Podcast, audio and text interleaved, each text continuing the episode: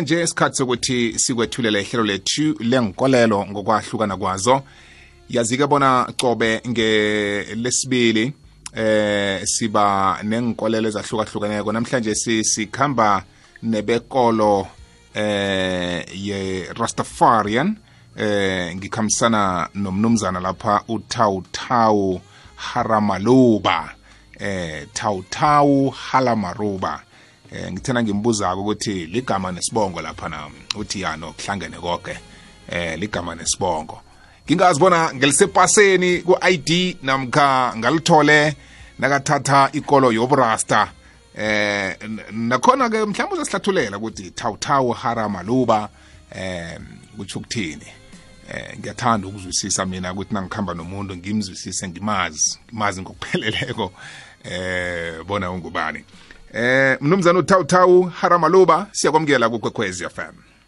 Eh siyabonga baba nababalabeli bakwekhwezi FM. Siyathokoza.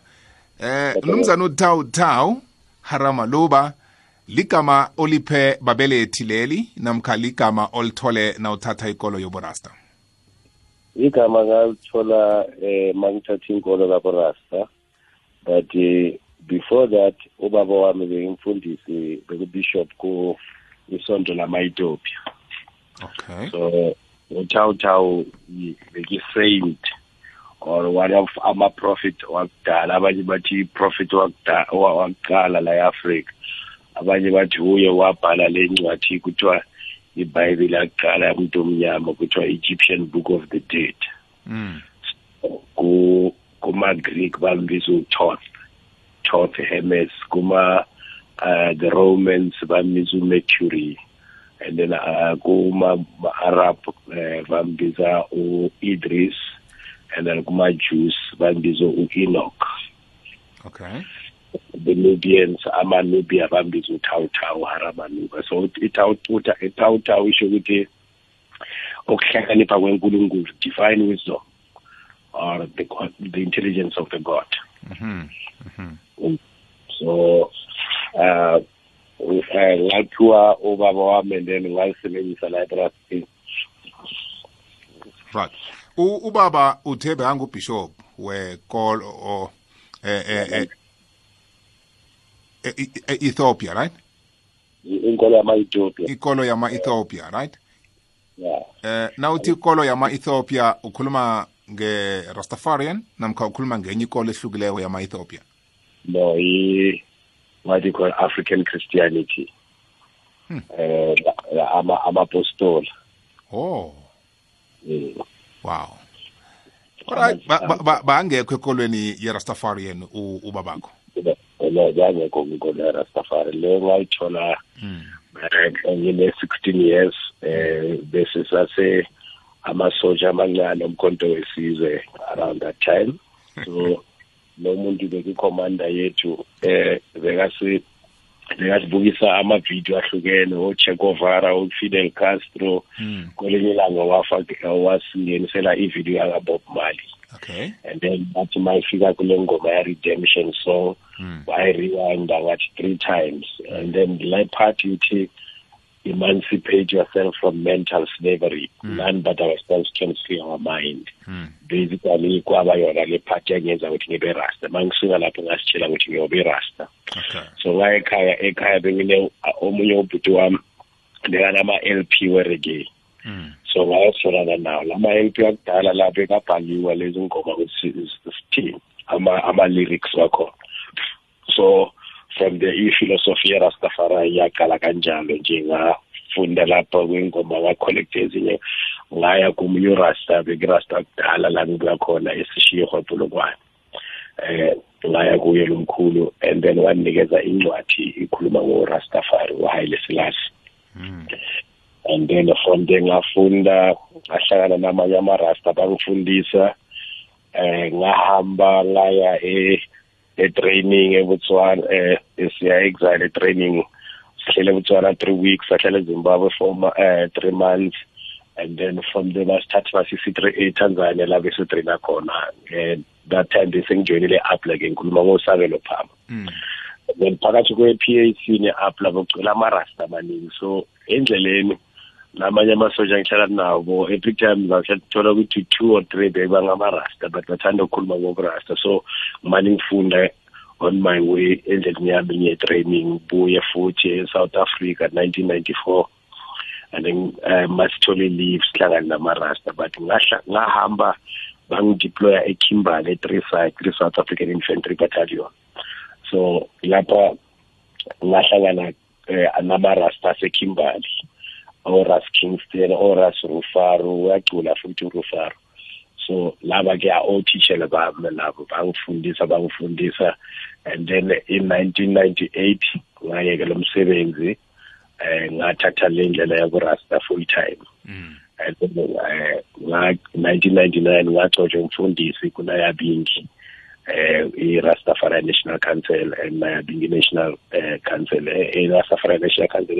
yaza phambi kwenayabi national council so from there ngaba umfundisi eh, and one ngabaptiziwa ku eh, ngisemalawi amarasta lapha banikeze i-spiritual name ethiopian spiritual name kuthiwa tekla haimanot which means roots of spirituality and then um ngasuke emalawi nge-tanzania ngifunda ngifundisa wangi-invita e-kenya e-uganda um ngahlangana ne-queen nabi sahlala ngafunda futhi and then ngabuye south africa 2004 ngaye ethiopia ngafunda khona ethiopia ngathola i-scholarship kwi-ethiopian orthodox church for four years but ngafunda for two years kwaba nenkinga kumele ngibuye e-south africa so since me, me involved in Overasta maybe from 1990 until now, much 29 years much. Mm, wow. Mm. ya no kumnandi ukuhamba nawe ngibona ungupresident president we um, rastafari united front um yini le yi movement namkha i-organization eh, rastafari united front i-organization elwela amalungelo werasta It is for civil rights, cultural rights and faith rights. Hmm. yazi mhla eSouth Africa every January February abantwana bamarasta bayacoshwa ekolweni because of iy'nwele zabo and then uh, every now and then abasebenzi bamarasta bahlangana ney'nkinga eh two weeks back i-sunday times ipublish i-article ngorasta ikhuluma eh ikhuluma kabi ngaye so sayithatha le case sayisa ku-c r l commission uh, last week sunday besiprotest-a lapha e-sunday eh, eh, times ama-offices akhona mm. and then uh, uh, next week thursday on the first of august siyamatsha siya kuma-headquarters e-sunday times eh uh, soba e Beria park ejoburg and then siya uh, siyoshona khona lapha e-park town okay so right asibambe lapho asibambe lapho eh tawtaw ngifuna ukuthi sengiyazi ukuthi ngikhuluma nobani eh nomlalela ekhaya uyazwisisa ukuthi sikhuluma nomuntu obuya kude nekolo yoburasta asi asikhulume ngerastafarian eh umbuzo wami wokuthoma uzokuthi kuwe irastafarian yi-religion yikolo or yi-fashion or yi-lifestyle um angazi nibiza nithini eh ngesirasta sithi is a levity a levity is a rasta english word for a way of life uh, as a way of life. Uh, it's a it's a spiritual culture, or it's a culture with a spiritual nucleus. Uh, the center of this culture is the spiritual. It's a culture. Uh, kholelwa ku bakhona kwenkulunkulu the existence of god mhm. ukuthi kukhona unkulunkulu and unkulunkulu umuntu and umuntu omnyama wazalelwa e-ethiopia uh igama lakhe urastafari or Haile Selassie beke emperor ya Ethiopia until 1975 okay jama kancane jama kancane thawu thawu uthi uNkulunkulu wabelethwa wazalwa wazalelwe Ethiopia mm. and uh, ungumuntu onzima yeah. nawuthi nawuthi uNkulunkulu utsholo wadala iphasi ne eh, izulu nephasi namkha namkha um, namkha ukhuluma ngobani la no uh, indaba yomdali wezulu nemhlaba ngeke ngikhulume ngayo lena and angeke ngikholelwe anybody angitshela ukuthi uba nobani wadala umhlaba because ukuthi wena utshele into enjalo kumele ube umbonile awudala umhlaba you must be an eye witness of that statement okay. so otherwise it's a speculative theories or theology all right wait so, wait jama kungahabi kungahabi ngifuna sibe sibe kabuthaka sinesikhathi sinesikhathi relax um yeah. ikolo yoburasta ayikholwa ukuthi izulu nephasi ladalwa eh bakhona amarasta bakholelwa kanjalo bathi mina nje ngothawuthawu nala sengifunde ngafika khona ngaba umfundisi ngayenza eh, ngaya kuma-theology college and what um eh, ngiyakholelwa ukuthi eh first of all akekho umuntu wazi ukuthi umhlaba wadalwa kanjani mhm. maybe masilande kancane ngesintu sometimes masiya kwinkolo yamangumi hmm. apha bathi umuntu wadabuka emhlangeni um eh, eh, when you go deeper bathi umuntu nonkulunkulu badabuka emhlangeni so I'm say, what I'm getting at is that some African spiritual stories uh, sisitshela ukuthi the source of God and the source of man is the same thing. Uh, whatever produce man, produce God. why kuthiwa unkulunkulu wadala umuntu ngomfaniso wakhe or umuntu is, is the image and the likeness of god wait nikuthatha lokho it is part of his Hindu. Uh, and uh, also, you can also get it in the Bible. You can go, also get it uh, from the Egyptian Book of the Dead.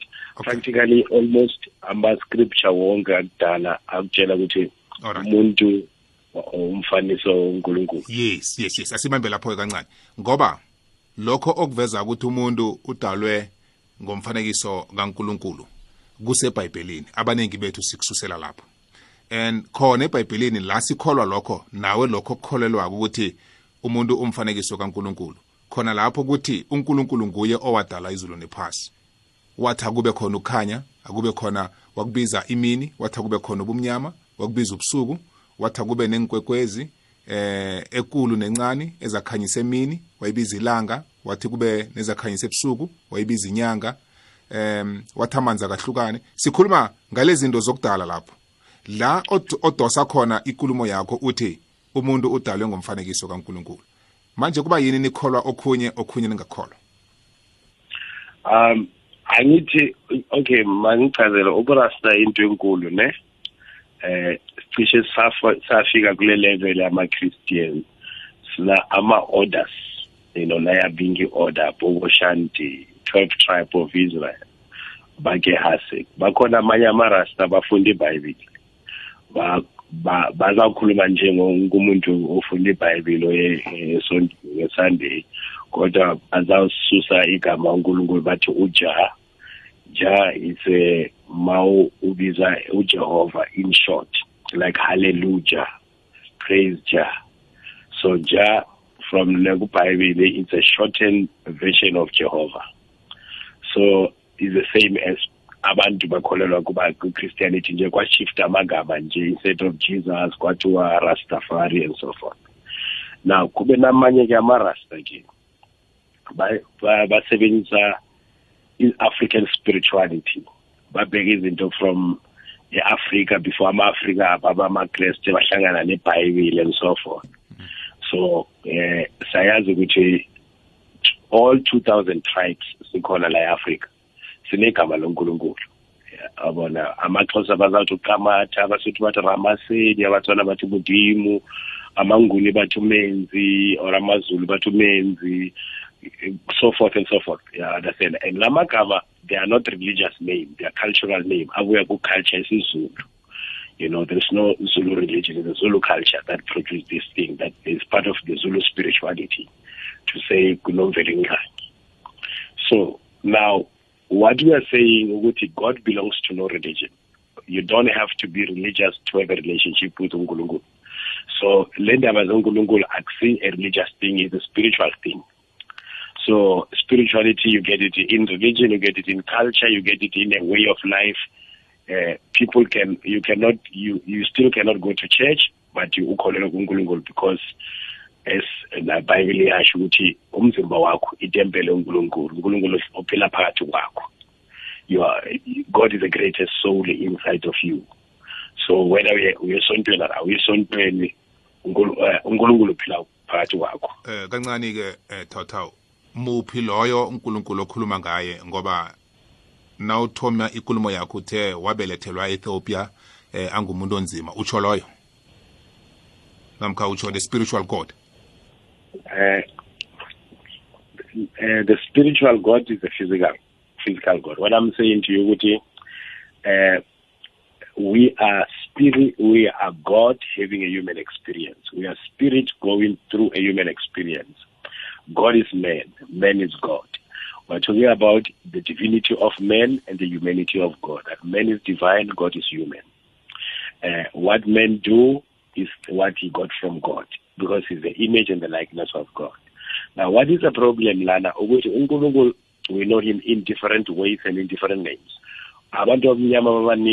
bakholelwa ukuthi unkulunkulu umhlophe igama lakhe utsho ujesus banee-picture zakhe in their house and then abanye bangene kwinkolo yama-arab bambiza Allah, but allah is the arab name so mawufunda futhi uthole ukuthi sitshelwa ngo-the god of israel jesus of nazareth now mina ngokutshela ngo-the god of ethiopia urastafari so now we are saying this is the same god limbiza ujehova ubani ubani bani but to us he has been revealed in the person of his majesty haile selassie Uh, when we talk, when we see Haile Selassie, we see the one you call God, Umvelingai or whatever, but in this time. In, in 1892 wazalwa nge-23 july like today wabhubha nini azange abhubha wadisappearisha unkulunkulu ngeke abhubha wadisappeara nini 1975 ukuphi nje uthi ukuphi yes well uh, From Rasta philosophy, first city he lives inside of us because your body is a temple of God. That is why when you see me, you say you call me Rasta, but Rasta is not my name; it's his name. Uh, when you see me, you call me Jaman. Jah is his name. You are basically saying man of Jah. Jaman means man of God, uh, man of God. Or you say I We call him Haile Selassie I, the mm. I, the I am that I am, the living I. Mm. So whichever name ungiza ngayo wena, you are calling me by the name of God because here the point is that I'm the image of God, God is my image. God lives inside of me, I live in him. So therefore when you see me, you see my father, you call me by my father's name. So when you say Rasta, Rastafari, that is why we say we are the Rastafari, we are not Rastafarians, and we don't practice Rastafarianism. It's not such thing as Rastafari. So our our way of life is Rastafari, mm. our philosophy is Rastafari, mm. our culture is Rastafari. So we are establishing an identity between man and God. Okay. Instead of separating man and God and putting Ngulungulu in the sky and man here on earth, we are saying God and man are one. Mm. So Ngulungulu utala phakathi he physically disappeared from the uh, from the face of the eh, from the human eyes but he's spiritually living in all of us. Like people who tell you that God is in their heart. Okay. So we say it's in our body. Right, right. ibambe lapho thawuthawu um asibuyele endabeni yokuthatha ikolo yoburasta yo uveze ukuthi kuna 12 tribes of Rastafarian angazi mhlambe ngikuzwe kumbi na 12 tribes of Israel oh 12 tribes of Israel right nami ngiyazi lokho eh ukuthi kuna 12 tribes of Israel sikhuluma ngabantwana baka baka Jacob laba ngithi yeah right um la ku Rastafarian nihluka njani ngoba ngikuzwe uthi kunama Rasta kholelwe eBhayibhelini kunama Rasta ngakholelwa eBhayibhelini mi mihlobo engaba mingakhi ekhona yama yoburasta namkha yamarasta eh nihlukaniswa yini kuba yini ningabi into yinye ah akusho ukuthi asi into yinye Uh, it's like different denominations of Christianity.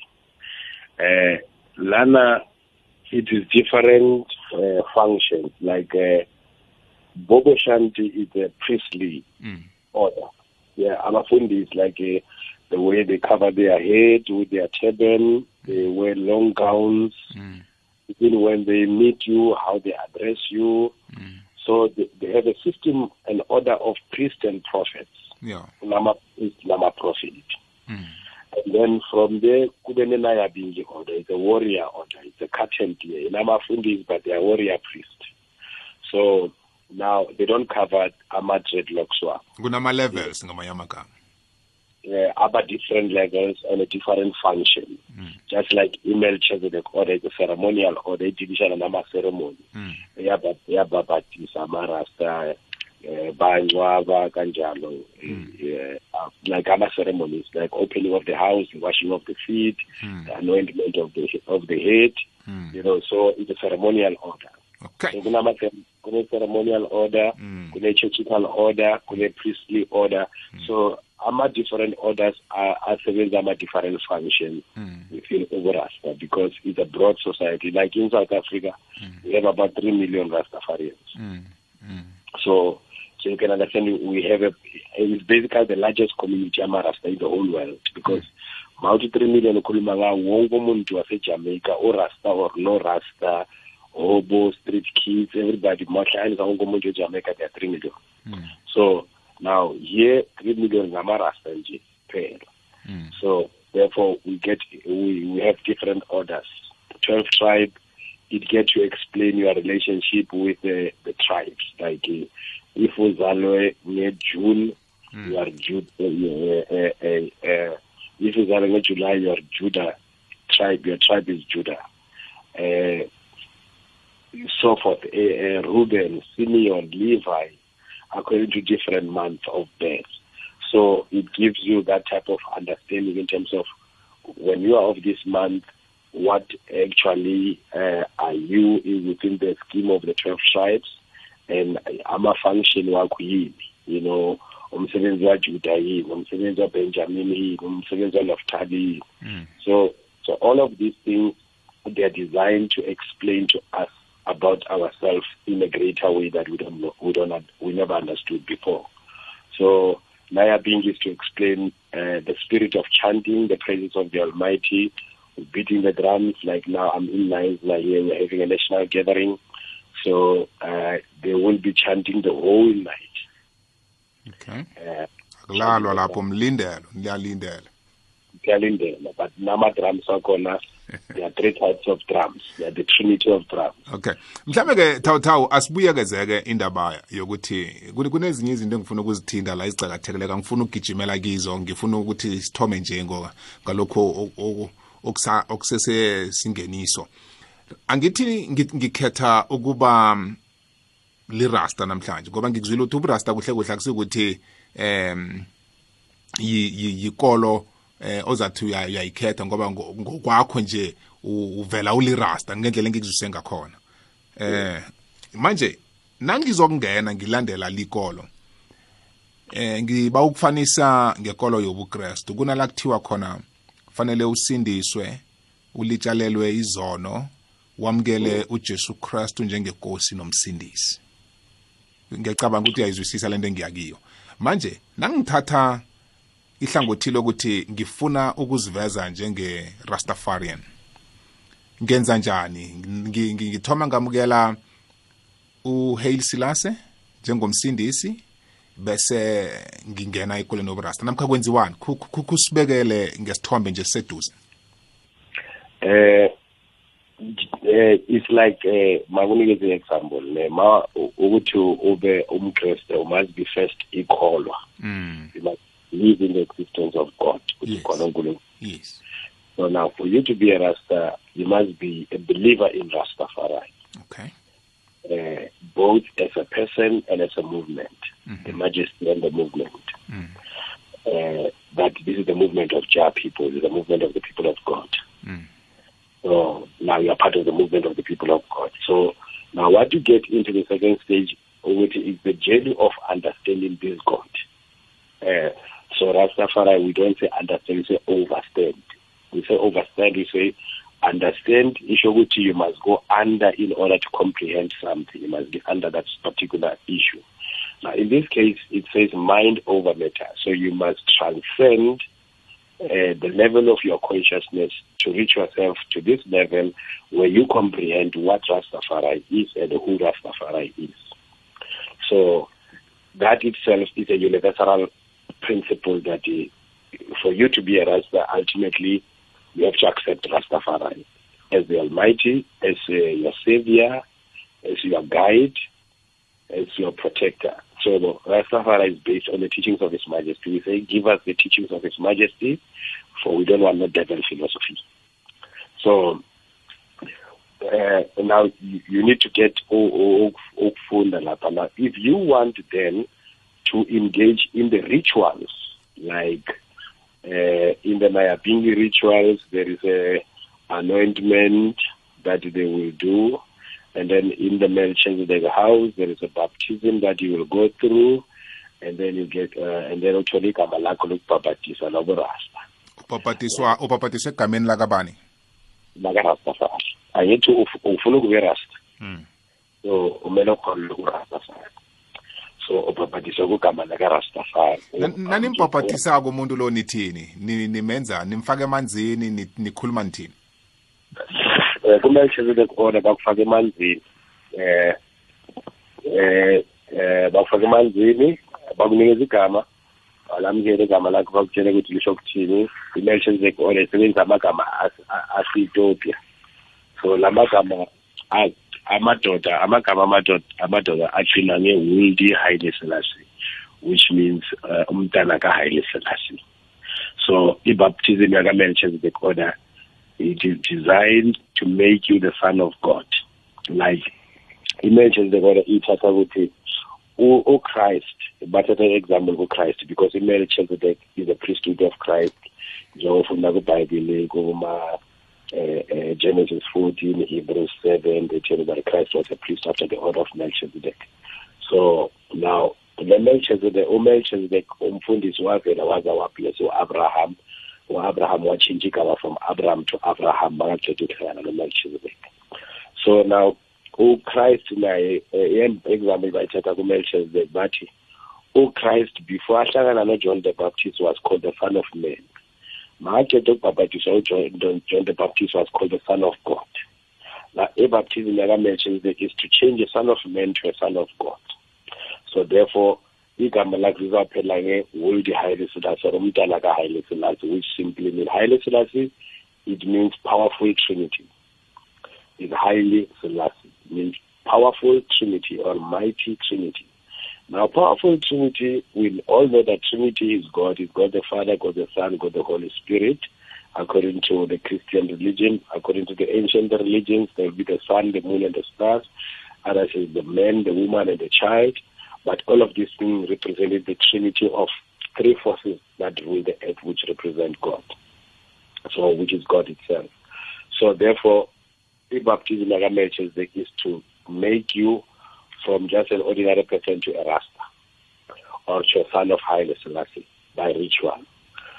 Uh, but still, it doesn't mean to say if you accept Rastafari, because uh, in the heart of Rastafari, phakathi kwerastafari it is self-definition you have to define yourself we say who feels it and knows it i can't make you a rasta and i can't disqualify you as a rasta i can't say I Ubongani is a rasta or Ubongani is not a rasta manklabane now you know no rasta is what you say you know there was a time oh like Dube, the late like Dube, uh, once said he's not a rasta and then but why actually because I'm a rasta bathi uhaile oh, selassie unkulunkulu number one and number two babeme ganja so mina i don't believe haile selassie unkulunkulu and i don't smoke ganja so washo kanjalo and basibize tv basibuza ukuthi nithini olakhidu oh, basho kanjalo sithi no rastafari itself definition Like lakidube must define himself kulapha icala khona who feels it knows it because you must feel it and know it you mustn't say it is not a religion, you are not converted to it. You must not say it because it's a group mentality, No, you must feel it and say it. So, therefore, that one, it is the ultimate responsibility that begins with you. I, I can't So, the choice that you make. So, that is where it is. It is. So, everybody who's a Rasta, he first make that choice that he's defining himself as a Rasta Mupina as a Rasta and we Rasta Rastafari. So Gamma baptism, anointment is just formalities now when you do it in a formal way because not every Rasta uh, belongs to these orders. Amanyama Rasta, but you find that they are not 12 tribe, they are not Mayabingi, they are not Boboshan, they are just Rasta because Rasta it is above all these things. Rasta is the way of life. All right. That's how uh, thawthaw okuningi okubalileko nokuvezako nekukaningi ngikizwa kukhulunywa ngabanye aborasta ngaphandle ngapha eh nifanisa i ikolo yoburasta nithathela eh, eBhayibhelini omunye angathi kubonakala ngathi nilingisa em eh, okwenziwa ikolo yobuKristu niphendula nithini nanithola umbuzo ofana loyo yeah there is uh, ikhona isection yethu ithatha izinto ezikwebhayibhilini eh kakhulu into eza-old testament like baba-explaina why bangagundi iinwele zabo bazokhuda i-numbers chapter six kubhayibhile and then la bathi mawuthatha indlela yamanazaretha kumelanga ugunde iinwele zakho or ugunde iindevu zakho So Avanye, they take it from natural philosophy that it is natural for the hair to grow and the beard to grow. And then Abanye, like the first time Amarasta in Jamaica, akhulisa inwele uyabona ithombe zama-afrika sekenya emawumawu eh, the mawumawu warriors where the mawumawu were fighting the british because amarasta kuqala bebangena inwele ezinde bebana i-afro bafana eh, if you look at the pictures of I Selassie so they used to have an afro and a big beard. But then after Kukuvela Ama pictures of them Aumau, they started to grow their locks. And others, they went into the Bible and come up with a Nazarene vow. Others, there was some influence that they had with the locksmen in Jamaica. So there are many things that influence us. So yes, if some people are you know, Amarasta, eh, in certain aspects they are right and then in certain aspects it cannot be completely like that. So it, it is you have to define which groups of Rasta uh, they sound Christian, they, they act Christian, or they talk like they are Christians, or they behave like Christians in terms of explaining how how they do things. So mostly you get those everything by yenza bayexplaina ngebhayibheli wena ukwiphi mina ngandlula kubhayibheli ngaqala khona lapho but ngandlula kubhayibhile mina i use african spirituality ukuthi umuntu umuntu omnyama before ibhayibhile hmm. iza la eAfrika eh bekakholela what was his belief and what was he using to refer to the uh, to uNkulunkulu because my my thing is the bible is not the word of god the bible is the word about god omunye umuntu wathi unkulunkulu wathi like genesis but in the beginning god created the earth heaven and earth but if it was unkulunkulu asho kanjalo wathi in the beginning i created the earth so it is said genesis the book of moses so that is a story that is told by moses so it is is a word about god somebody say god say so uh, I went to theology college as a son of a bishop, so I studied the Bible. So I reach a conclusion that it is not the word of God, it's the word about God. And I also believe that God cannot, the word of God or God cannot be contained in a book as much as God cannot. Uh, the Bible will say that God does not live in the building made by the hands of men. As if he can't live in the building that is built by the hand of men, he cannot be in the book that is written by men. God is everywhere. It's not somewhere. It's not somewhere up in heaven. It's everywhere. so mina ngibambe lapho baba Mm. manje ke la oveza khona ukuthi wena ukholelwa ekolweni yesintu um nokucala ukuthi abantu bebaphambilini bebamlotsha njani uzimu eh lokho kutsho ukuthi awuyisebenzisi ibhayibheli no angiyisebenzisi ibhayibheli okay eh sengiyathola ke nje ukuthi si sikhamba nobani right mm. asidlulele esigabeni sa sa, sa sobrasta okibo um yini enye eni thoma ukuyinikela umuntu othatha eh ikolo ya yobrasta le okiyo ngemva kokubhabhadiswa anikelwe negama lakhe abhabhadiswe ngalo ukusuka lapho nimfundisa ukuthi enzeni well obrasta indlela yeah, is a peaceful way of life So uh, we don't eat animals, Bulali. So if you cannot kill a chicken, you cannot afford to kill a man. So you must live peacefully with other people. Uh, we are based a lot on, in terms of ubuntu, Ubuntu, Ubuntu, Ubuntu, uhlonipha Ubuntu. Uh, that is why abafazi bamarasta sibabiza ama-queens or empress you know, Nkosikazi, indlovukazi. So we emphasize that we respect we-emphasize indaba yokusebenzisana unity we-emphasize we are development self-reliant uzenzele into zakho like the uthi uyofunana nomsebenzi but mele ucreate umsebenzi uh, so that you can have total control of your life That doesn't get controlled by somebody we believe that a salary is a bribe that they gave you so that you must forget your dreams. So, therefore, you must follow your dreams and uh, not be bribed to forget your dreams and build other people's dreams hmm. uh, in the form of company or business or whatever the ideas they and come up with it as an employee and an employee. So, because Rastafari is about total freedom. So, you only can be a slave of God. You only uzinikeze kuNkulunkulu so you can't serve God and man okay asi asibuyele endabeni yokungabulali inyama ngamanye amagama wena uyidli awuyidli inyama mm.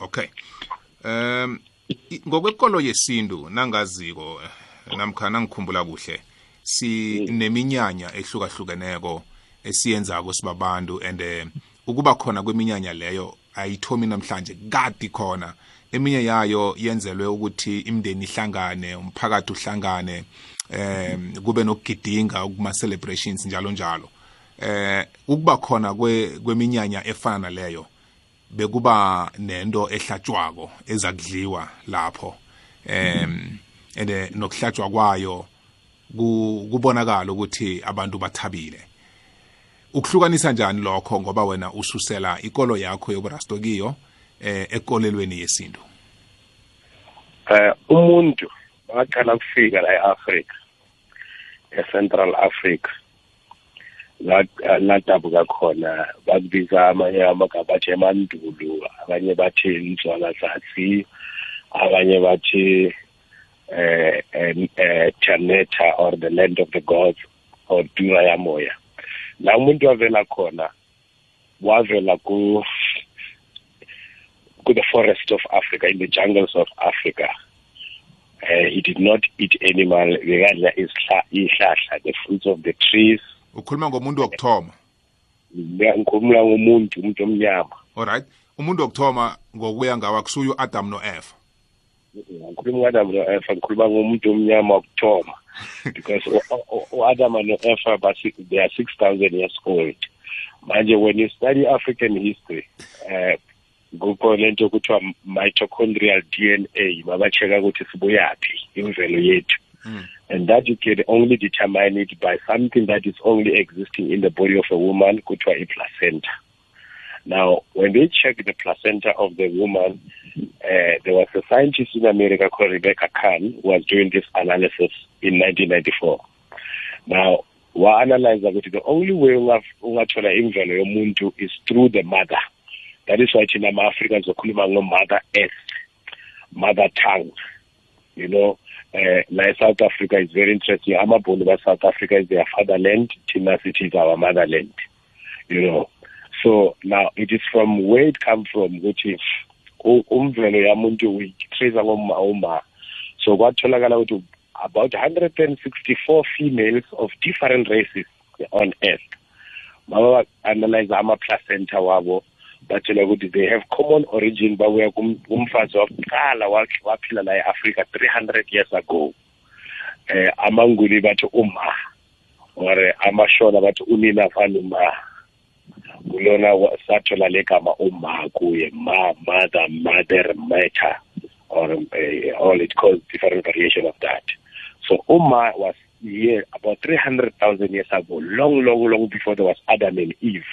so my point here is that our ancestors are older than adam and eve so Adam and Eve is the shortest frame of reference in history and of history that was given to us to count our time to about 6,000 years ago. So I don't know if it was only 6,000 years ago, and it's a story of the Jews. Now, Ongomuntu, they have their first person. Eh, thina uh, ama-Afrika sikhuluma umano simakade, that is amanguni. And then abatswana bazokutshela ngoluwe, ababheli bazokutshela ngohube nohubiyana.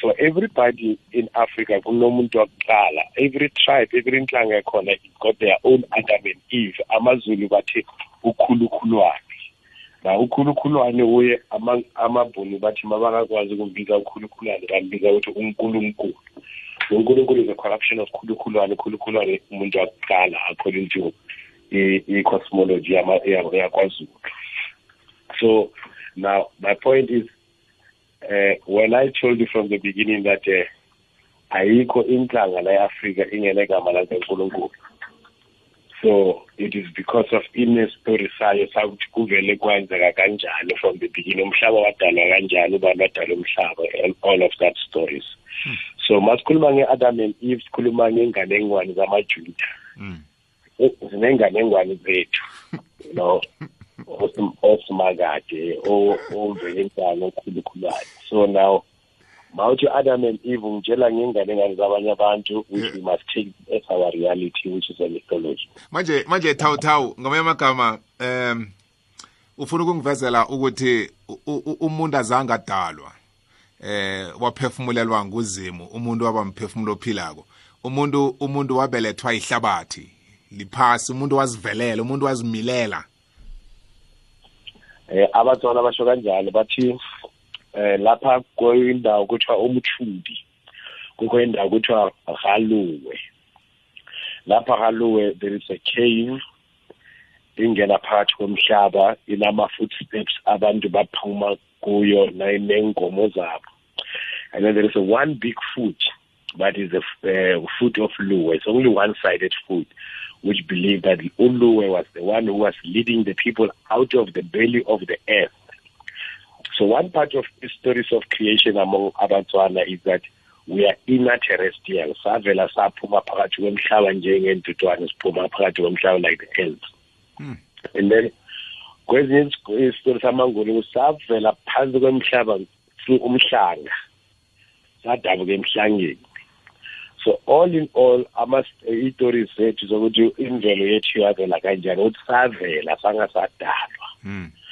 aw yeah you must understand ukuthi kukhona ezinye izinto today sizibiza ngamagama esintu but they are not really izinto zesintu um eh, ngesuthu kukhona inkulumo bathi sihlalo sami uthi omunye sukile huwa yabona mm. umuntu um, umuthi womuntu omnyama umlungu mm. but if you ask yourself before umlungu afika lana umuntu umuthi wethu bekubani mm. so these are the things that after sekuhlangana nomlungu siyasitshintsha lento up until 1973 nesizulu lingekho legama ukuthi umuntu omnyama bekuthiwa abantu abantsundu then umuntu omnyama is when ama-clever blacks ama-educated blacks babaceda kuyofunda lapho ebelungini bathatha into zesilungu basitranslate into isintu from black man to umuntu emnyama but before that it is abantu abantsundu which is the root of abasuthu abantsundu you know the dark brown people we never call ourselves black people we call ourselves dark brown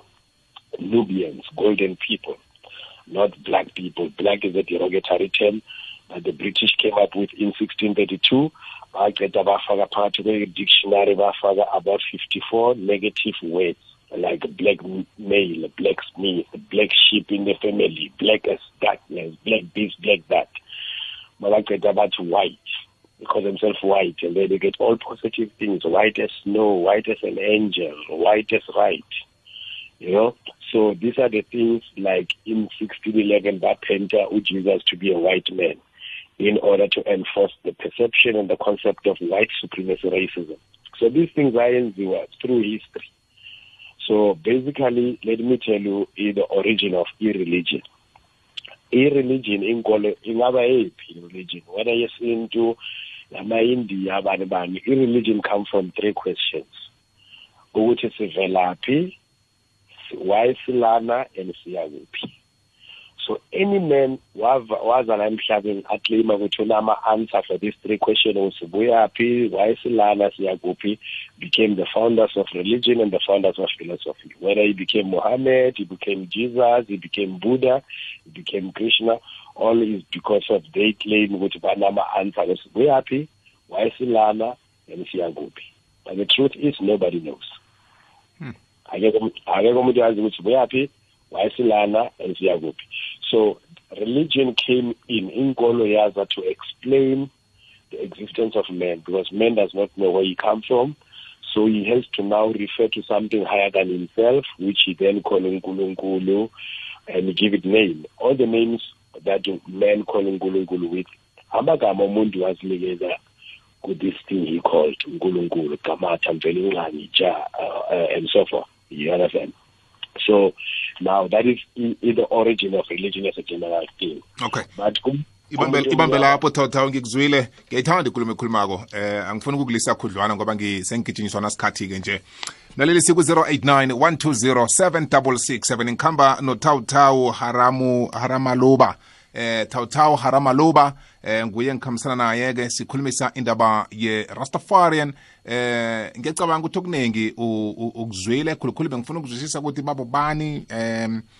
uzwisisa kangani inkolo yoburasta yena eh, siyicathanisa nezinye inkolelo esizaziko njalo njalo eminye imibuzo ngilisela wena ngoba ngiyayazi eminye ngile seduze efana nokuthi kusetshenziswa kwesango ukudliwa kwenyama njalo njalo mibuzo ejayelekileko bengifuna mina ukuthola okungathi kungenelele ngaphakathi kuye leyo izaba mibuzo mhlawumbe ongambuza yona wena uza kuphendula yona eh akwazi ukuthi-ke akunikele ipendulo kodwana-ke eh, thawuthawu mina-ke engifuna mhlambe ungisize ngakho singakathathi umlaleli wokuthoma sine sinembala yaba yesikhumba eh ebantwini abaphilako si njengoba bovezile ukuthi kufike kwakhulunyiswa indaba ukuthi kunomuntu onzima kunomuntu omhlophe ah, onzima ngikuzwile uthi savela savela ngaphakathi eh kwamathumbu wephasi saba sephasini abamhlophe babuyaphi mm.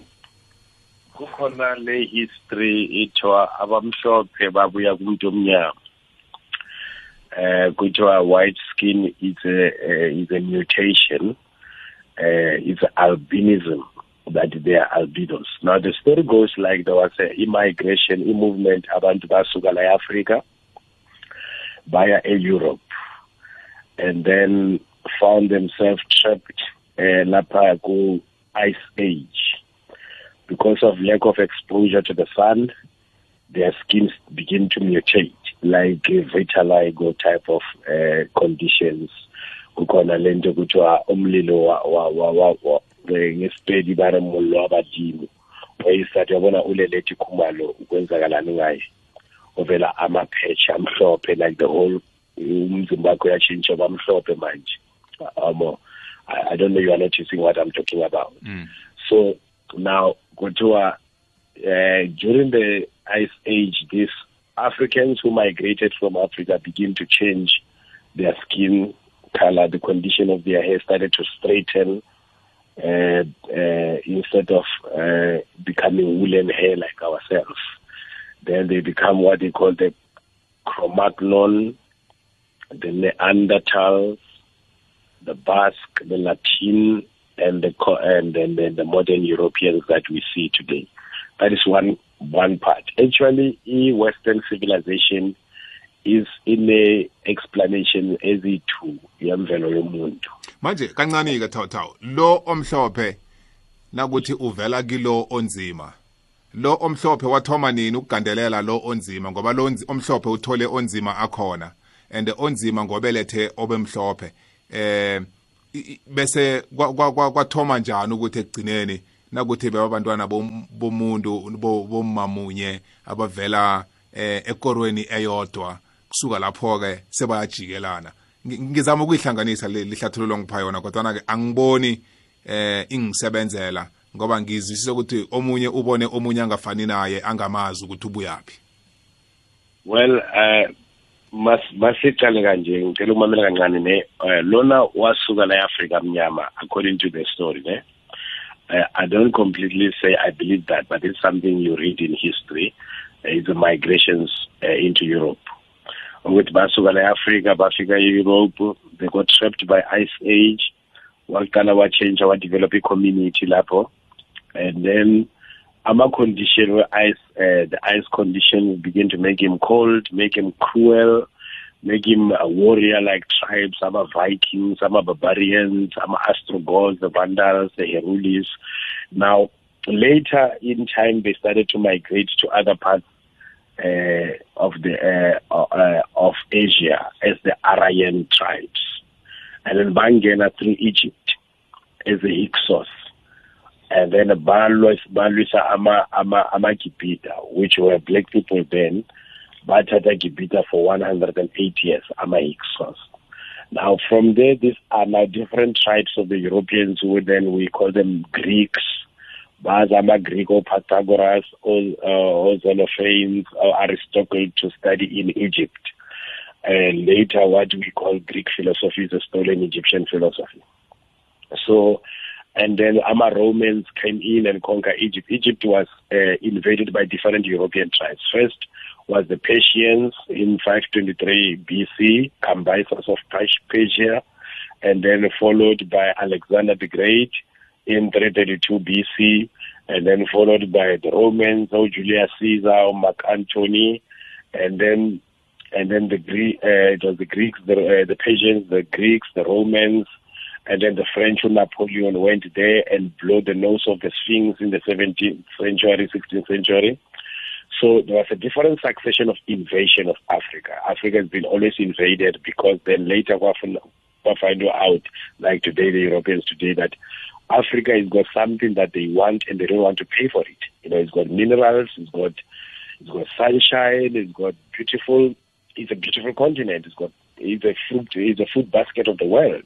Africa has been sustaining the world even in biblical times when the Israelites were starving, they ran away to Egypt to get their food there. So it's always been the food basket of the world from old, old time. So and then all these other people now they, they want Africa. So when this uh, Alaban Duba developed into the Ama European tribes, started to invade Africa like from 5, uh, 523 BC kanjalo eh, actually 1500 eh, eh, 72 BC, the Hyksos, 523 BC, Cambyses of Persia, and then Alexander the Great, the Romans, up until Abu Vasco da Gama or John van Riebeck, 1652, Balenda So it has been always a process that took many years, about 2,000 years.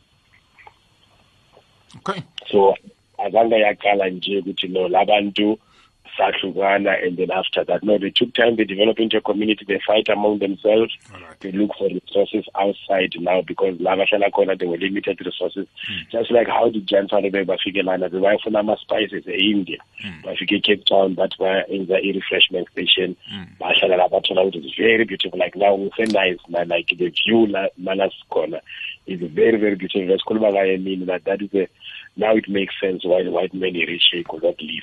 you know, and why is not going to leave, mm. or expropriation without uh, compensation is not going to work. You know, they're not going to leave. That is just a fact. You know, because uh, they are looking for something that they don't have extra resources, sunshine, beautiful ambience, uh, expansion of their population, outsourcing their population to other places. So bafuna into eningi hmm. kodwana laba bantu ekuthomeni bebabantu abanzima yeah abantu uh, so that's one part of the service abantu banzima alright and then uh, eh bachuguluka baba makhuwa sibambe lapho ka sibambe lapho right uh, eh sikuthwele ngikunikeze examine ya just like umuntu omnyama umuntu omzima akwazi ukukhipha i-albino yabona mm. albino is pink like a white man he's got a blonde hair like a white man he's got a green or blue eyes like a white man mm. so that is just one quick example how a white person came from a black person okay right mlaleli siku-089 120 767 ungangithumela ne-voice ne note yakho ku-whatsapp line 079 413 2172 hmm. sifunda ilanga nelanga sizwa into ezitsha ilanga nelanga ikwekhwezile siyakwamukela baba umthombothi kwande kunjani naphila kunjani baba wami ah, hayi nathi sikhona ngilotshise nakuthathawu lapha emphakathweni sawubona baba yebo baba yazi lana ngilalela inkulumo yenu lana baba umthombothi kodwa lokho nangilalela uthathawu lapho eyi into nento ayikhulumako ngishiya nombuzo lana hmm. ngoba lokho nawubuza mthombothi nanithomaka inkulumo le ngokudalwa komuntu and uthatha uthi uzimu umuntu ukuze kube nomuntu ephasini apha kwenzeke kanjani yabo and uthatha akaliberegisi ibhayibheli so into nento ayikhulumako ikushiya nombuzo ngishiya nombuzo mntombuzo mm. ukuthi ukushiya nombuzo ukuthi umkholwe namkho ungamkholwa ya mthomboti mani yazi yena uyazama into engiyibonako mina mthomboti ukuthi athawu ugcwele uhubhululo yabo unohubhululo khulu khulu khulu khulu mm. uyayibona le mm. eh ende manje ngalohubhululo analo kuba ingasithi ufuna ukuthoma ikolo ngalohubhululo lwakhe yabona mhm. indlela engibona ngayo nami mthombothi ngoba uyasho lapho uthatha ukuthi ubuya e-Ethiopia and manje ama-Ethiopians is now la South Africa mm and angaze nakanye Mtomboti ngabona i-Ethiopian lenze enhluthwini lenze amarata yabona hmm. inele zama-ethiopians intombodo yayibona le nto le okay no ngikuzwile ngiyathokoza okay ngithokozile baba awuzweke sele nemibuzo engakaphenduleki um ikwekwezi siyakwamukela sokungene usemoyeni akwande cima umhatsho ukhulume nathi oh ya no akasizwa sazi kwenzakalana sithatha omunye ulandelako ikwekwezi lotshani hayi baba kunjani siyaphila kunjani kuwe sikhuluma nokwasi lana kunjani sikhuluma nobani kunganokwazi la unekezeka oh kosi alright yes uh, chief uh, eh, ubruno loyo lapho eh unelwazi nyana ngiyamuzwa uyenzile i-study zakhe but somewhere someakanye line ubonakala ngawo lahlalahlekile ngizwa futhi uzokhosa ne-medipatia hmm, ngifuna ukuthi sana uyithethe emvanyana apha from kubabylon akasiqale all these kingdoms ukuthi alandelene njani up until to the time efikiyo nje and then enye into ofanele understand yazi walahlekela i-distin yokuthi unkulunkulu ongibani then you are totally lost there is no any other way ukuthi the, the, the ground can produce human beings that's why namhlanje uthole iningi labantu lilahlekiswe ngokuthiwa evolution ukuthi umuntu usuke efemini umuntu i don't believe ukuthi i'm from the monkey if you believe ukuthi you come from the monkey then i think usukunenkinga because is clearly state ukuthi god created man and no one can dispute that jesus has proven that ukuba nama ekukuthi ukuthi alahlekise abantwana i think this man needs to go deep into into into into details and then so that you can just read uh, alexander hislop i think he's spot on on some of the issues nangakuhamba kufundisisa very well you'll get it ukuthi kuhle kuhle le information ayinayo is just misled unfortunately eh ukuthi nje angeke siyibonakale ngathi mhlaba ngamagama mara i think mina wenza istudy ngabuthi ubaba lo lahlekile okay yathokoza okay thokoza mina iba iba nobusuku bomnandi asize omunye khotha olandelako ikwekhweza lo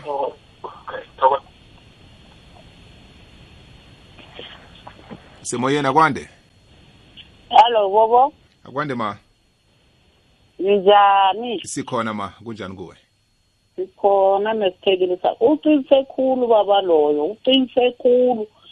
azange savela kunkulu savela phasi abantu ngabe sifana nemfene sikhamba sisidla imithi singadi inyama nje qinisekulukulukulukulu abangaziwase bampikizwa bona badukise iy'ncwadi qinisekulu babayi thokozile ma ibanobusuku bomnandi size omunye olandelako ikwekweza lo um kunjani mthombothi kamnandi kunjani kuwe ye-right man ukhuluma nendoda yamandoda la evaterfana um hmm, siyakwamukela ya lalela-ke ngilotshisa nesithekeli sakho lesonaso lapho okay siyavuma ya ana yazi manje ngibokani ngiyajabula yena ngoba ikhono uyatsho ukuthi unalo yabona um noma-ke into engangikwethanga khona bengifuna ukwazi ukuthi enhled ukudla kuyakudlako kuyini oh ukudla ne ya ngoba amarasa angithi anenhlethelo yokudla akudlako ene nami khona amarasa engiwaziko okay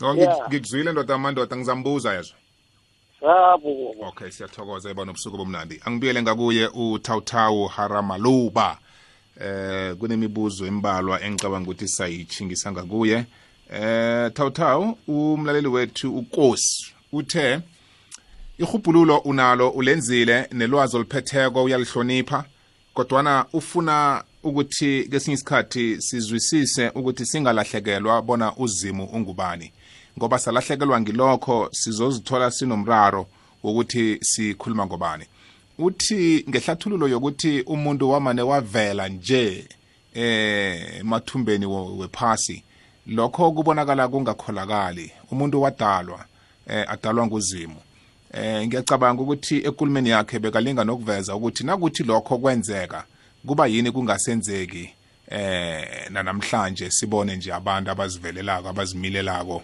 eh ehlabathini isibeletho sephasi siphelele phi kanti ungaphendula uthini ngalokho well um into engayenzeki na asimbona umuntu adalwa ngozimo ukuthi abe khona uh, human beings are created sexually this is the part i avoided because you see these things they are metaphors they are just like from I come from theology college. I told you ukuthi ngibuya ku theology college ngafunda ku Bible school. The Bible is not written in the layman's language. It's not like Bona magazine or Pace or your your your drum magazine. If ngizokunikeza umzekelo, example.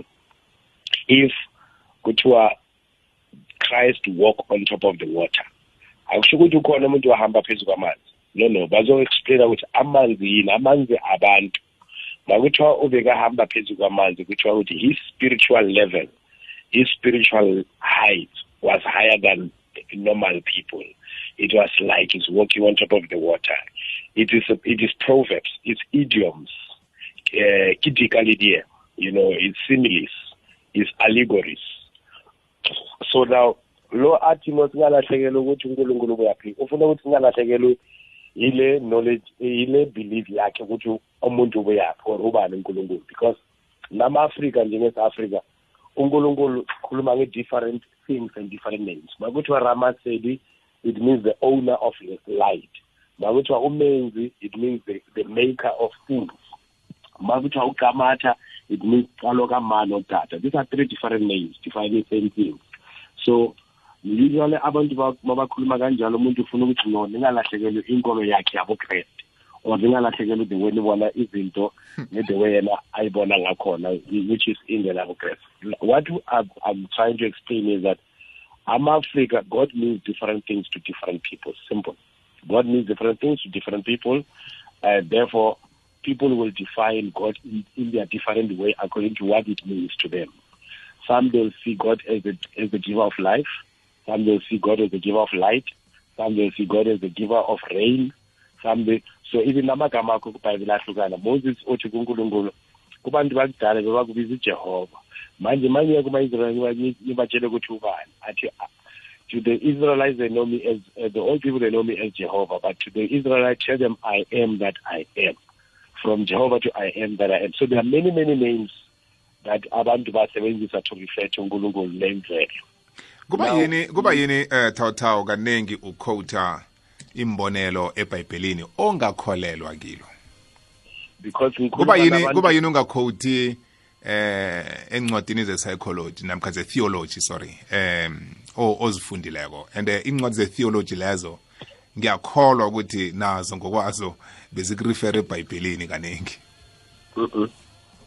they don't usually mangikhuluma ne-audience which is like But in South Africa is 80% Christian uyabona le difficulty le ubaba anayo to understand uNkulunkulu outside of what he know outside of istories Jehovah no-Adam and Eve ne-talking snake in Eden so now I have to always use something that is familiar with them that is easier for them to understand but otherwise ngakutshela straight up ngesintu ukuthi thina ke that, bathi umuntu wavela kumuntu Now, Rastafari, let me quote for you Rastafari teaching. Haile Selassie says, the natural origin of man is man. Umuntu uvela kumuntu.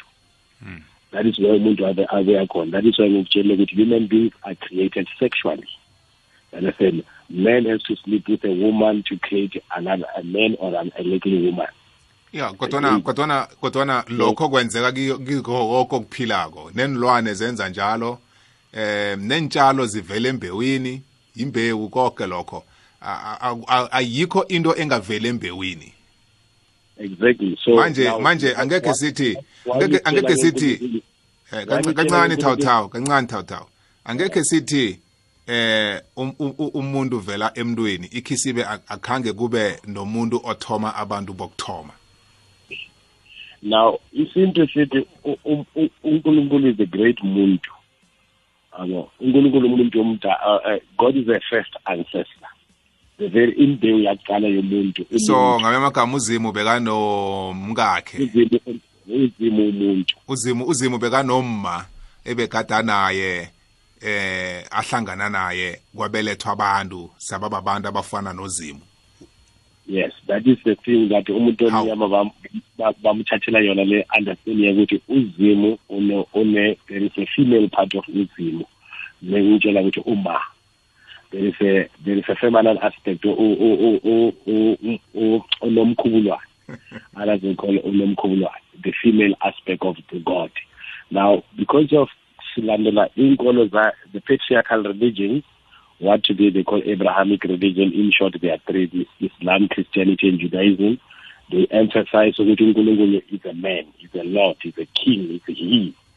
So uh, they put away the side of the of the female, of the woman. But now, from the African perspective, from Rastafari, we say it takes a Rasta man and Rasta woman to have Rastafari. It takes men and women to have life. Okay. It takes ibambe lapho thawutha ukhingeza umlaleli go eh, ku WhatsApp line ukuthi yena yena uthini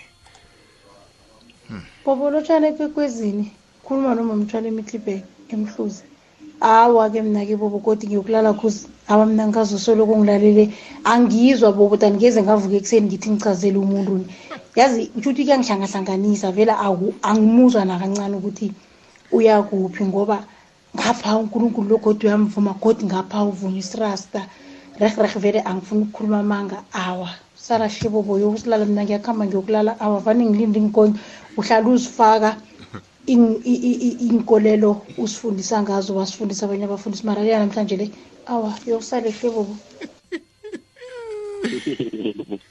lale kamnandi ma ube nobhudanga namabhudango amnandi hayi babo hayi mina ngiyima nalo baba lo ngendaba leya ka-adama no-eva ngoba kuthiwa u-adama no-efa ngabantu bokuqala mara nanka bazala abantwana and abantwana bathi ngu-abrahamu hmm. ya no ya no imlahlekelo ma eh abantwana baka-adam no-efa ngukhayini no-abela mama yezwa singu-abrahama ni yebo eh, bodapithi kunjani khuluma nomexingchoshe la ebosberg e-eastern Eh man bobo ngicela ubrother lapha ngihlathulele kancane man ngeholy trinity. Hmm. Thank you. Okay, sithokozile samnikele ithuba ayihlathulule. Lo cha bobo nesithekeli sakho. Mina umbuzo wami ukuthi njengoba asekolweni leyo Rasta nefamily yakhe yonke ise ilandela le ikolo akiyo ori emndeni nakhe nguye yedwa na nangabe nguye yedwa umndenakhe wakwazi na ukuthi wamukele ukuthi usekolweni leyoburasta na ngiyathokoza ngorhida wena congo makaletho mahlangu ngisedalstrom ekhaya kusemiddleburg ngiyathokoza sithokozile tatabo sithokozile ngizambuza umbuzo boborabit ngupatrick ngeves buhle yes, bakubuza ukuthi bakholelwa kuphi nakutheni umuntu nakabhubhileko ukuthi uya kuphi ngoba thina abantu sikholelwa ukuthi umoya wakhe njengamakristiyani wezulwini bona bakholelwa ukuthi umuntu abhubhileko kwenziwane ngaye noma uyaphi ngiyathokoza thokozile brother pet ngizamnikela ithuba akwazi ukuphendula uthawuthawu sizomnye godo olandelako la um akwani ba umntu embathini njani sikhona ukukhuluma nohappy ehamba kune yes ngiba ukubuza bonyena ngekolo kubaba lo nayo lo um kuthiwani ngabantu abahlongakeleko okay benza njani baya ezulwini namkha baba bezimo what's happening ngabantu abahlongakeleko mhm mm-hmm. right uzawuphendula umbuzo loyo khe ngibone la ukuthi hmm, i-voice note le yide khulu saza siyizwe ibhutbobo ukhuluma nokumkanikazi wemajalini yes kumkani ihlelo lakho mina ngihlale ngimuntu olilalele ngaso sonke isikhathi mhm. kodwa namuhla ngiyathoma ungena ngithanda ukunibonga nonke enisakhako ehlelweni leli mm. abolirato phoku abodemon mm.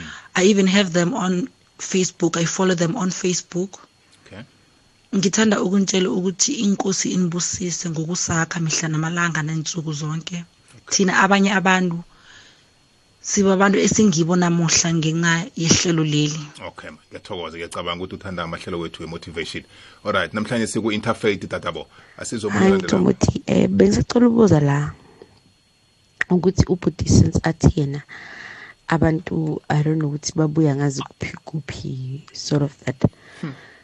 eh but uNkulunkulu iBhayibheli lithi uNkulunkulu i created Adam umcreatile thina siphuma esiswini sakhe siphuma enyameni kaAdamu so angisa understand lapho ukuthi oh umbono wakhe sophikisana nebhayibheli or njani and then i just want to ask ukuthi kuze bangadli inyama kuba affectaphi emzimbeni okay. so far thokozile mama thokozile okay angibuyele kutawutawu haramaluba eh sizwe ukuthi imibuzo khona evelileko uyiphendula uthini Eh thatha sinombuzo okuthoma la ngicabanga ukuthi umbuzo lo uvele phambilini sawuchiya ngabomu baningi kabalaleli sele babuze ngayo indaba yokudla nidlani ni ni ni ni ngikuphi ukudla nikhethako kuba yini nikhetha eh ukungadli kweni inyama kunithwenya kuphi emzimbeni lokho eh ngithe mangiqala i-program ungibuza ngathi overasta impilo is a way of life it's a liberty Now, as a way of life, uh, impilo it based on promoting life. Like you, you'll never find Rasta promoting abortion. You never find Rasta Adlamaganda because he says a chicken abortion. Now, you never find Rasta who eats a dead body, because, a, a dead uh, thing because we're saying that we don't have to kill in order to feed ourselves. We don't have to, for us to live, something must not die. So therefore, silama vegetables, silama fruits, sidla into ezibuya kumhlaba anything enegazi njengathi asidli any, any, eh, eh, anything ilala we don't eat anything that have sex like us maybe let me put it in English like that. So therefore, we don't shed blood. We say we don't change your feet. Now, in Yama, even noma ugula uya esibhedlela bazokutshela ukuthi kumele ustep out inyama udla amafruit udla ama-vegetable is a healthy diet today kukhona ama-different health groups kukho ama-vegetarian ama-vegans sometimes even sengathi i-fashion manje you know but mainly thola ukuthi abelungu through ukustudisha babona ukuthi no inyama it takes 36 hours to digest in your body so now umzimba womuntu akumelanga ubeke anything inside of the body more than 8 hours otherwise iyaqala yabola and it start to give you animal bacteria kodwana kodwana kodwana ama fruits nama vegetables eniwadlako la abuya kuma-farmers asebenzisa ama-chemicals to grow those uh, vegetables and fruits um nawungacala nje i-demand kumarket yokusuplya um uh, ukudla okufana lokho nithini ngalokho because anizitshaleli mhlambe Well, it is not only about the biology or the science yama ya agriculture.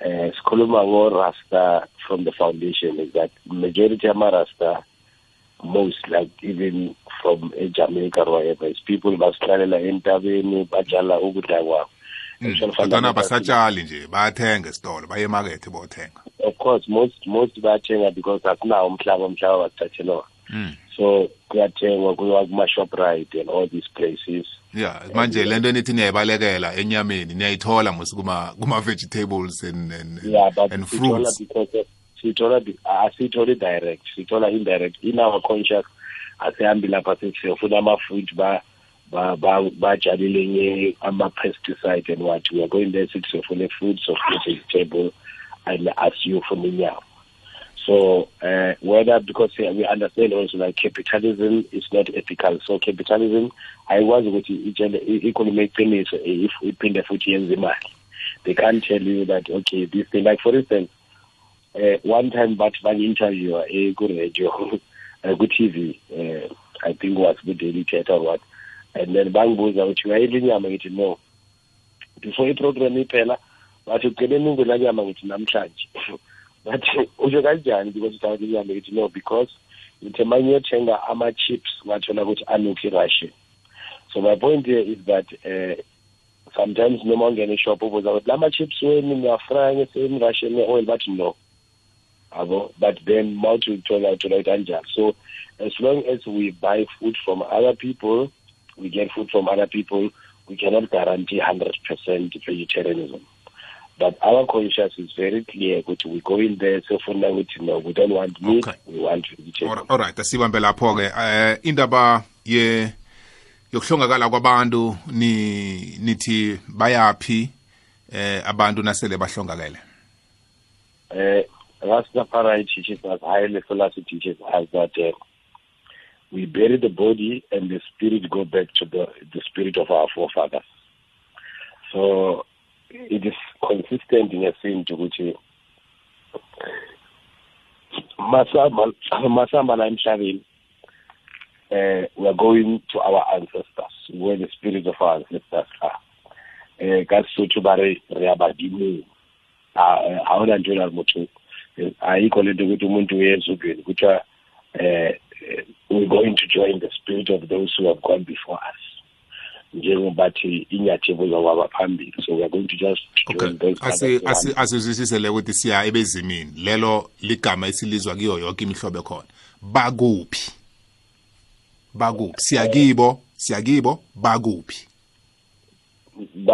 balozimo labakhona they are now spiritual beings angithi bakhumula le ngubo yenyama lena sibiza e, isidumbu banozima uzima ukuphi is a spirit wisdom is a spirit ultimately i mean we are spirit in the flesh but when we leave the spirit we when we leave the flesh we we remain a spirit no ngizwisa indaba ukuthi nangithi ngiya kuthawuthawu uthawuthawu ngiyafanisa mhlawumbe ngithi usejohannesburg eh mm. ngiya kuthawuthawu ejohannesburg right now nangithi ngiyebezimini ngiyebezimini bakuphi bahlezi kuphi the dead are not dead the dead are in the wind abafi abafanga basemoyeni if if you want to speak to god speak to the wind wonke umuntu athi ukhuluma nonkulunkulu whether is esontweni eh, nguphi makathi uyathandaza ukhuluma nomoya they are speaking to the wind they are talking to themselves so now what happened is that makunikeza example ke yabona uh, ufika kwendawo ispace isivulekile ufika lapho ufika akhe ubeke i-building lapho kule space now the space ingaphakathi kule building nale space ingaphansi kwe-building siyafana the only difference is the wall that is uh, uh, separating that but if you bring down the wall the space inside and the space outside remain the same doesn't go anywhere mm. so umuntu makafila akhola yakhona umzimba wuwo uhambayo sawunqaba but the spirit remain here like okay. is uh, right. around ezengenze ithatha wangikuphe nasi isibonelo ne mina nawe sibobaba sinemndeni em sinabantwana abantwana laba siyabazi ukuthi babelethwe ngithi and bakhuliswe ngithi sele akhulile umntwana akhethe yakhe indlela achiye ikhaya akhambe aziphe eh inaga nakafika le ngaphandle iphasi limbethe limbethe limbethe limbethe akhumbule ukuthi kunekhaya bese uyabuya right ubuyela kubani kumbelethi wakhe ubuyela kuphi la abelethwe khona ubuyela kuphi la avele khona ubuyela la abuya khona mina nawe sibabantu size ephasini Mm. ukuba kwethu ephasini siyazi ukuthi sibelethwe babelethi bethu kodwana nabo bebangazi ukuthi bazokubeletha thina sifike kibo njengesipho sele leso sipho sikhamba singasabi kibo sibuyelaphi la sibuya khona lumuntu owabapha sona ezisele sibonele ngikulethela sona you see the problem la sinayo ne ngesilungu bathi anthropomorphism senza because singabantu senza izinto ngomfanekiso wethu if animals had religions they would have god in their image and their likeness so ile nto yokuthi every time just like for instance uzothi ilanga likwatile ilanga lanamhlanje likwatile as if ilanga it's human and it's got human feelings and it can get angry it is eh, umfanekiso uh, we put human qualities in things that are not human like for instance, now you put human qualities in in a god, which is not necessarily is a spirit, is a spirit, but you put human qualities to it. Now, what it is here is that we don't come from our parents; we come through our parents. So the example we are giving, there is no way we are going to die and go back to our parents, but we are going back to the same source that produced us and our parents. Exactly, the spirit.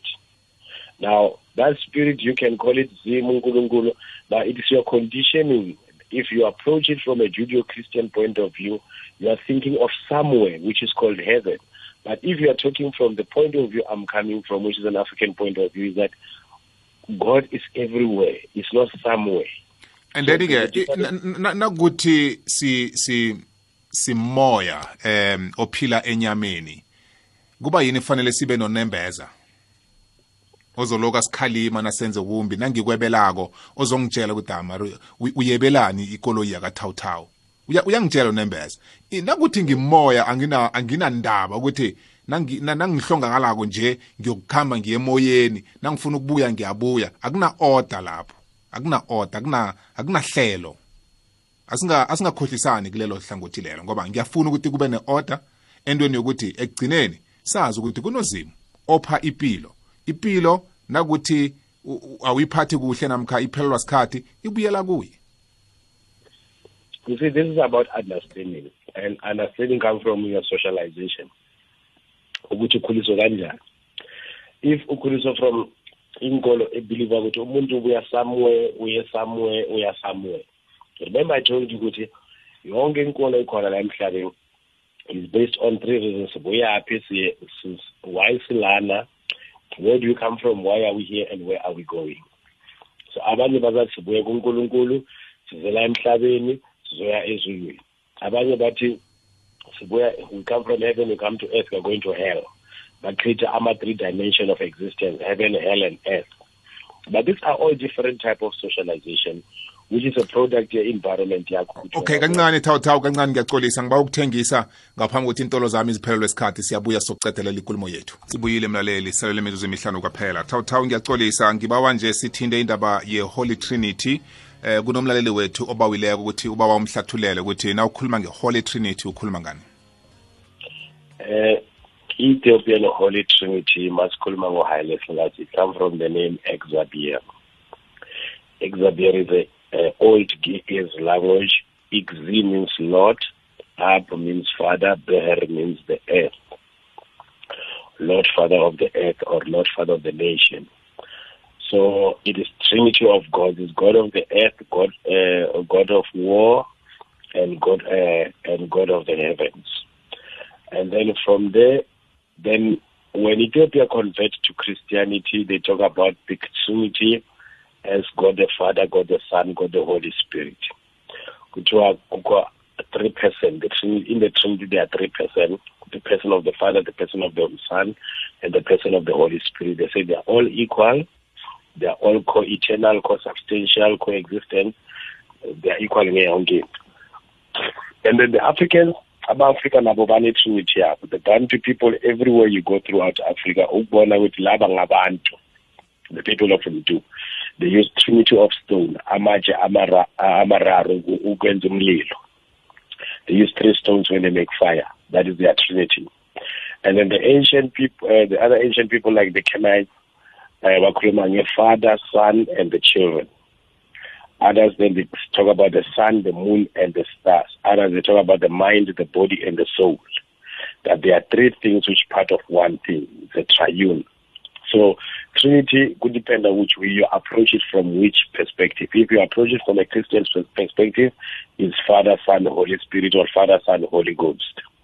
So it differs. So it depends which Trinity you want to understand. The Trinity of Rastafari mm. is that uh, is the Trinity of we say it is Rasta men, Rasta woman, and children. We say it's Haile Selassie, it's Empress Menen, is the royal children of the royal family. So, and then the Christian Trinity is Father, Son, Holy Spirit, and the ancient Trinity is Son, Moon, and Star. So, iyahlukana ngempela like most nations, old nations, amazwe akudala, okay. they all have Trinity in their different ways. Right, simambe lapho eh Tau Tau. ngiphelelwe isikhathi ngithokoze khulu kwamambala ukuba nawe namhlanje ehlelweni ngiyazibuza nje ukuthi phezu kwenkulumo yethu yonke 1 hour 30 minutes esibe nayo umlaleli kukhona kubambileko okusuka ngakuwe ngiyacabanga ukuthi kukhona eh kukhona selazibuza ngakho ukuthi ngakhani kucinisekiseka kangangani ku kukhamba kufike phi uzasala naye azenzela lakhe ihubhululo nokufunda kucakathekile ukuthi sifunde eh sihlole sikwazi ukucinisekisa ngakho konke esikhulumako esi, esi manje-ke ngibawa amezwi wakho wokugcina ukuthi um ni ngibonile ukuthi ndinomnyanya omkhulu uzabe ubanjelwephi eh sise nice na Southern Cape eh kulapha sikhona and then eh, nge 26 to 27 eh ama eh, the other order ya Rastafari bakhe said will be at Henops uh, between Chipsloot and Brent okay eh uh, kulapha silabo sihlangane khona and then for abantu bathi ngiyabaconfuse ngibaconfusile um cannot eh, ngizacela eh, it. what i'm saying is not a belief it's a knowledge it's things that we studied and read from different sources mm. so this is not meant to convert anybody just to share knowledge ukuthi uh, people see things in a different way it's not only one way of seeing reality mm.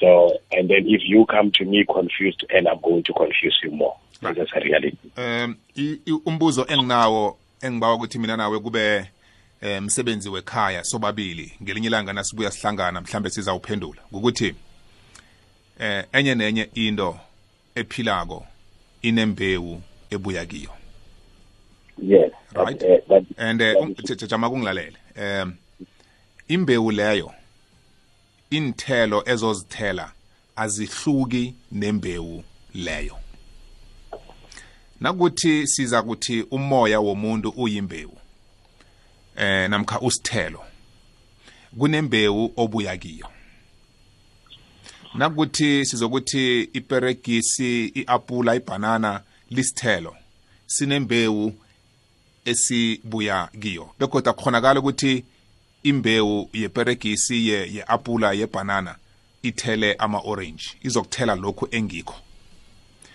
kodwana lokho engifuna mina nawe nasihlukanako sikuthathe sikhambe umoya womuntu uyimbewu ebuya kubani ngoba kunomuntu ekufanele abe imbewu ethela isithelo esiba umuntu